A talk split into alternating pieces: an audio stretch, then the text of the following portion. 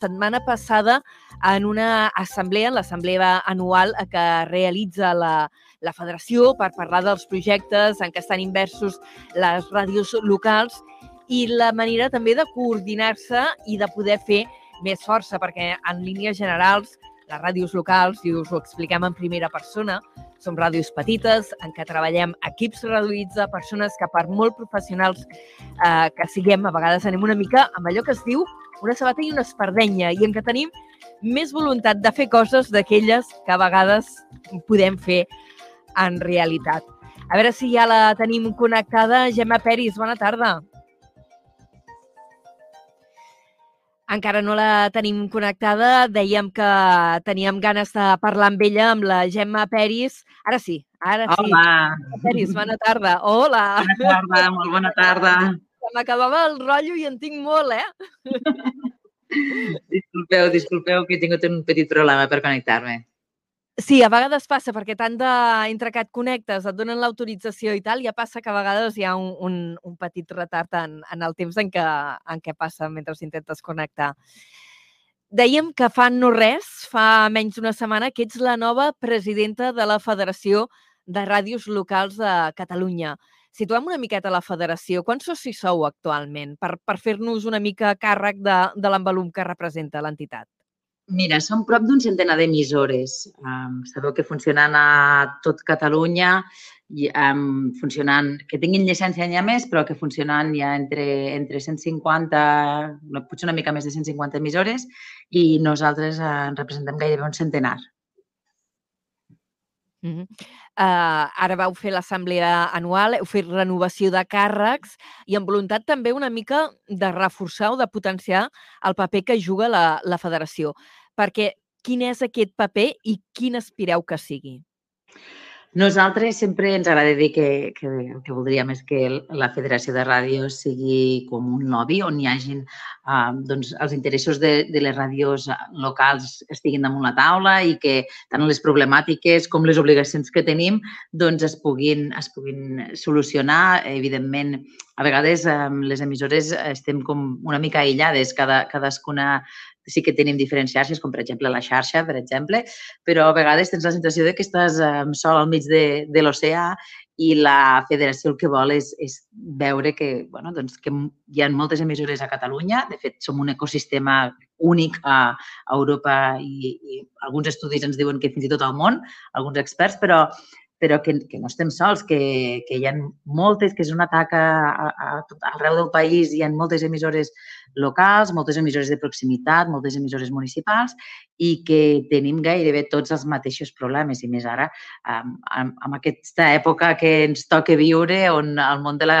de la comunicació sembla que estiguem en una centrifugadora i, i la tecnologia va avançant tan ràpidament que, que tenim molta feina a adaptar-nos. I, ja. i bé, aquest és una mica el, el lema. Abans de parlar d'aquests uh, problemes compartits, la majoria, uh, et volia parla, uh, preguntar per aquest ecosistema tan únic, què és el que fa únic? Bé, aquí a Catalunya, la, mira, l'any que ve se celebrarà el centenari de que va, de, de, de que va haver-hi ja la primera emissora de ràdio a Catalunya. Um, són bastant pioners, penso, en, en en moltes coses, aquesta també és una, i amb l'arribada de la democràcia va haver-hi moltes emissores, molts ajuntaments que van decidir tenir la seva pròpia emissora municipal.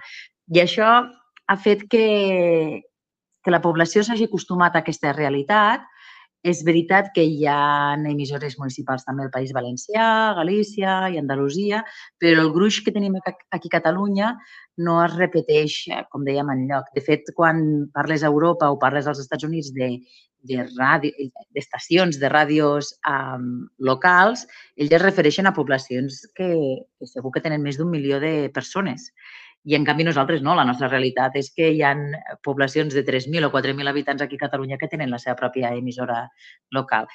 I, i el fet de ser garants d'aquesta d'aquesta democràcia, d'aquesta de, cohesió, totes aquestes voluntats de servei públic que tenen les emissores de proximitat, penso que tant si són públiques com si són privades, fa que bé que hagin continuat pervivint i que tinguin el seu servei. I aquests problemes dels quals parlaves, molts d'ells compartits, aquesta adaptació tecnològica, que és, és vertiginosa per tots els mitjans, però jo ara, mentre s'esperava que, que et connectessis i anava a fer una mica la prèvia, explicava una mica les misèries de les emissores locals, que per molt que siguem molt professionals, etc etc, acostumem a ser eh, equips molt petits que moltes vegades tenim aspiracions de fer més coses de les que a l'hora de la veritat podem fer. Bé, em sembla que això ens passa, passa tot. La llista de tasques cada dia augmenta més. Sempre faig el mateix exemple. Ara farà 16 anys que sóc la directora de Radio Tàrrega, venia de mitjans eh, nacionals i estatals, venia de Televisió Espanyola, de Catalunya Ràdio i, i, i vaig eh, acceptar el repte de, de dirigir Radio Tàrrega, en aquest cas, i, i sempre faig el mateix exemple. Quan vaig arribar fa 15 anys, la ràdio municipal només tenia la programació en FM. La resta, teníem una pàgina web, per exemple, però era una pàgina web estàtica. En aquests moments totes les ràdios tenen una pàgina web on actualitzen la seva, les notícies, eh, que, que ve ser com una espècie de diari digital. Fem la programació en FM igual que fèiem abans i, a més a més, doncs, eh, intentem que tindre la, la ràdio la carta actualitzada posem totes les notícies i tots els continguts audiovisuals que fem en, en, en les xarxes socials clar, s'ha multiplicat la feina i en la majoria de casos continuem sent els mateixos treballadors que hem adaptat noves rutines. El, noves rutines i és això, que les plantilles per línies generals no s'incrementen, sinó que en molts casos encara es redueixen. Eh, moltes vegades els periodistes no ens dediquem a donar veu eh, als problemes laborals de molts altres col·lectius, però potser no ens fixem en els nostres. La federació també hi juga paper en això? Bé, nosaltres el que, el que intentem fer és intentar millorar les condicions de tot. És a dir, el que s'ha de fer és reivindicar el paper dels, dels periodistes, dels, dels periodistes de proximitat. Moltes vegades el que ens passa és que sembla que mude molt més si ets un periodista d'un mitjà d'àmbit nacional o estatal que no pas d'un mitjà local. I, i, I en la majoria de casos la feina és tant o més, perquè al final sempre diem el mateix. Eh? Si tu dius un disbarat per la ràdio, no et preocupis que uh, no hauràs fet tres passes al carrer que ja t'ho faran saber, eh? si, si, no, si no comencen a sonar els telèfons. I, I aquest és un dia a dia que tenim nosaltres que segurament els periodistes, bueno, jo, vaja, jo com que hi he, hi he estat ho puc dir, els periodistes d'altres canals eh, més generals no, no tenen. Aquesta... Penso que nosaltres hem de fer valdre molt que en aquest món on hi ha tanta in, infoxicació, hi ha tanta informació, tanta infoxicació, els mitjans de proximitat són els que poden fer valdre més aquest valor de mm, eh, confiança, perquè és això el que diem nosaltres, ha de, ha de ser, ha d'estar ha de ser rigorós i ha d'estar contrastat, perquè si no, els propis veïns t'ho faran saber. I després hem de posar en valor la, tota la feina que fan els periodistes de proximitat i, i no s'hi val a pensar que són periodistes de segona, no, no, no, ni molt menys. El que fem són moltes vegades d'homes orquestra i, a més a més, com que la nostra feina ens agrada molt, eh, hi dediquem moltíssimes més hores i molts més esforços que no pas eh, altres, altres, ja no dic periodistes, sinó d'altres àmbits professionals. Eh? I sí, esclar, la, la, la aquesta paraula que has utilitzat, eh? perdona que et talli, la d'infoxicació. Uh. -huh. Què, què vol dir això? Que tenim una tanta llau d'informació que, Sí, sí, és aquest el concepte. Eh? Hi ha tanta, tanta, tanta informació que en el fons hi ha molt soroll i quan hi ha tant soroll, mal si hi ha poca informació, lògicament, eh? però quan hi ha tanta, acaba passant un, acaba, l'efecte acaba sent el mateix, que, que la gent està per les orelles perquè hi ha massa soroll. Si no tenim informació, doncs no, no, no podem tindre aquest esperit crític, però si en tenim massa, ens passa, ens passa una mica el mateix. La conseqüència és la mateixa, que, que tanta informació fa que al final tanquem les orelles i, i no escoltem. Després també estem en una altra realitat que és molt fàcil eh, d'entendre. Um, per exemple, ara tots amb aquesta transició digital doncs, apostem pels podcasts perquè pensem que, que és una nova manera de, de consumir i una nova manera de distribuir Eh, però si ens fixem, per exemple, eh, fico sempre l'exemple de, de Netflix perquè s'entén molt fàcil. Si tu a Netflix, si tu ja no mires la televisió i només eh, mires a Netflix, eh, no sé, sèries romàntiques, Netflix només et proporcionarà o només et suggerirà que miris sèries romàntiques.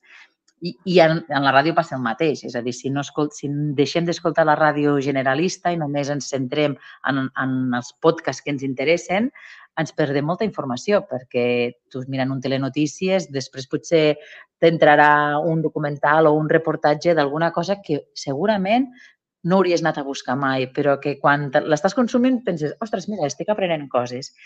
I cada vegada estem més en aquesta bombolleta on l'algoritme ens diu què és el que hem de veure i, què és, i fins i tot a vegades quan ho hem de veure i això fa que cada vegada tinguem, siguem menys crítics i tinguem menys cultura. Estem cada vegada més dintre una bombolla més petita. I, en canvi, mm. eh, la indústria està a tope. La indústria no, mai s'havien fet tants continguts com ara. Això, això és la intoxicació. Massa, massa coses, massa informació massa coses i potser és això que dius, molt orientada en funció dels teus interessos i que no tens espais per, per veure altres coses. Estem parlant amb la Gemma Peris, ella és la directora de Ràdio Tarragara, ens ho explicava, i també des de fa una setmana la presidenta de la Federació eh, de Ràdios Locals de Catalunya. Avui ens estem mirant una miqueta al Malic i abans has esmentat una cosa que també tenia ganes que expliquessis amb una mica de detall el que es pugui explicar de moment, que suposo que no és massa. I és que l'any que ve es commemorarà els 100 anys de les primeres emissions radiofòniques a Catalunya i la mm. federació hi tindrà un paper també en aquesta celebració. Sí, um, de fet, clar, les emissores més històriques estan preparant actes. Le, de fet, jo diria que gairebé totes les emissores d'àmbit nacional i d'àmbit um, sí, nacional estan preparant activitats. L'any que ve en sentirem a parlar força i també la, des de la Federació de Ràdios també ens van convidar a participar en aquest paraigües, en aquesta taula, s'ha constituït una taula eh, per poder organitzar una mica i coordinar una mica tots aquests actes que hi haurà l'any vinent i la federació també hi participe.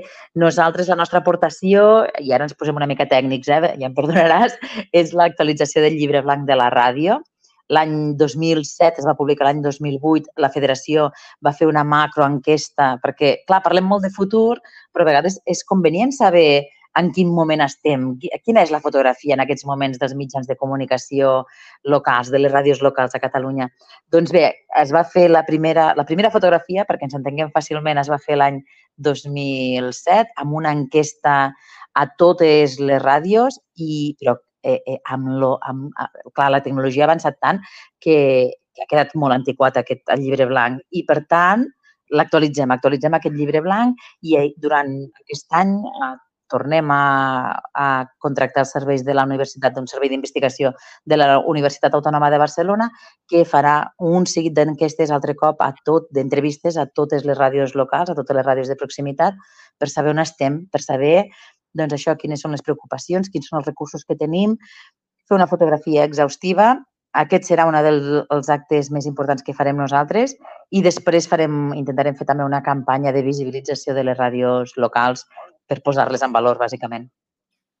I eh, aquest llibre blanc, perquè eh, tu deies, eh, és un tema així com molt tècnic, però sí. és més que res això, fer una fotografia de la situació o també inclou propostes i bones eh, línies com si fos un codi dientològic, eh? allò, mm, les ràdios locals, mm. papers que han de tenir o quin paper han de jugar o com han de o com haurien de funcionar? La primera fase d'aquest llibre blanc és fer aquesta, és fer aquesta, aquesta investigació exhaustiva mm, parlant amb totes les ràdios i després hi ha una segona fase que, eh, que farem amb unes jornades de treball territorials on, on el que volem és extreure conclusions. I, i una mica sí que el que es fa és aquest, marcar aquestes línies de, de com han de ser les ràdios a, aquí al nostre país i, i quins són els mínims requisits per, per ser una ràdio i, i quan parlem això de ràdio clara es barregen molts conceptes perquè parlem de ràdio, perquè nosaltres en general tots decidim que som ràdios, però en el fons potser hauríem de començar a parlar d'àudio o de so,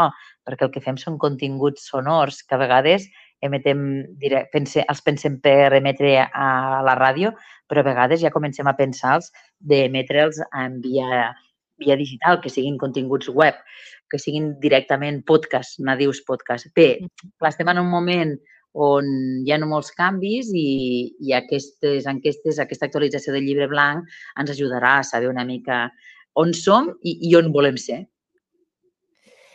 Una darrera pregunta i que obro un meló. A veure. no l'acabarem amb una pregunta, però eh, la setmana passada vau fer aquesta assemblea de la Federació eh, de Ràdios Locals de Catalunya i a més de la jornada més de treball organitzativa, projectes, renovació de la Junta, etc etc, vau fer també com una sessió de treball sobre intel·ligència artificial. Abans mm -hmm. parlaves de reptes tecnològics i ara en ve un que no sabem encara com gestionarem. La veritat és que ja fa... Clar, si ho pares a pensar, un any enrere gairebé no n'havíem sentit els, els, els, els friquis tecnològics sí que fa molts anys ja que parlen d'intel·ligència artificial, però nosaltres, tot i utilitzar-la, perquè en el fons si mires una mica enrere fa molt temps que utilitzem eines d'intel·ligència artificial, encara que sigui això només el corrector de, de quan escrius un WhatsApp al mòbil, per exemple, eh, però s'ha posat molt damunt la taula. És evident que serà un avanç tecnològic per, per, permeteu-me, eh, molt bèsties, que és ser així, permeteu-me que ho diga d'aquesta manera, i que haurem de mirar de quina manera l'hem d'utilitzar, perquè tant pot ser que ens afecti a nosaltres. Nosaltres, com a mitjans locals, penso que, que en aquest sentit estem una mica blindats, i, però sí que ens poden colar gols, ens poden enviar una fotografia feta absolutament digitalment i, i que ens ho creguem. Estem bastant acostumats, penso, els mitjans locals a corroborar-ho tot i a mirar fonts i abans de publicar res, eh, consultar, consultar fonts. Però vaja, eh, hem de, hem de, haurem de vigilar molt perquè aquesta infoxicació de la que parlàvem, aquest soroll, augmentarà moltíssim i hem d'aprendre a ser molt crítics, però és veritat que són eines que potser sí que ens ajudaran a les ràdios locals que, com bé tu deies, eh, molt sovint són, molt, són amb equips petits, ens ajudaran a, a potser algunes rutines eh, doncs fer-les de manera més ràpid i, per tant, poder-nos permetre millorar els nostres continguts però l'objectiu ha de ser aquest. Les eines, eh, la intel·ligència artificial ens ha de servir per millorar la nostra feina, no per intent, intentar abastar més coses i fer-les malament. Un, un exemple molt fàcil serà, per exemple, que doncs, si anem a una roda de premsa i quan tornem ja tenim transcrit tot el que, tot el que s'ha dit en aquella roda de premsa, que segurament... Si no M'agrada hagut... a mi prendre notes a mà, home. Ah, doncs, escolta'm, tu continua aprenent mates a mà.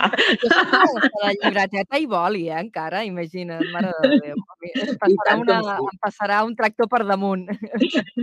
No, no, però són aquestes petites rutines que a vegades ens fan més feixugues i que amb això sí que ens poden ajudar, però hem de ser molt curosos i vigilar molt que èticament les utilitzem com les hem d'utilitzar. Ens hem mirat una miqueta al Malik, hem fet una mica de reflexió periodística amb la Gemma Peris, la nova presidenta de la Federació de Ràdios Locals. Moltíssimes gràcies per haver-nos atès i bé, seguim endavant amb projectes i visca la ràdio. Moltíssimes gràcies a vosaltres. Molta salut a la ràdio. Adéu, adéu. adéu.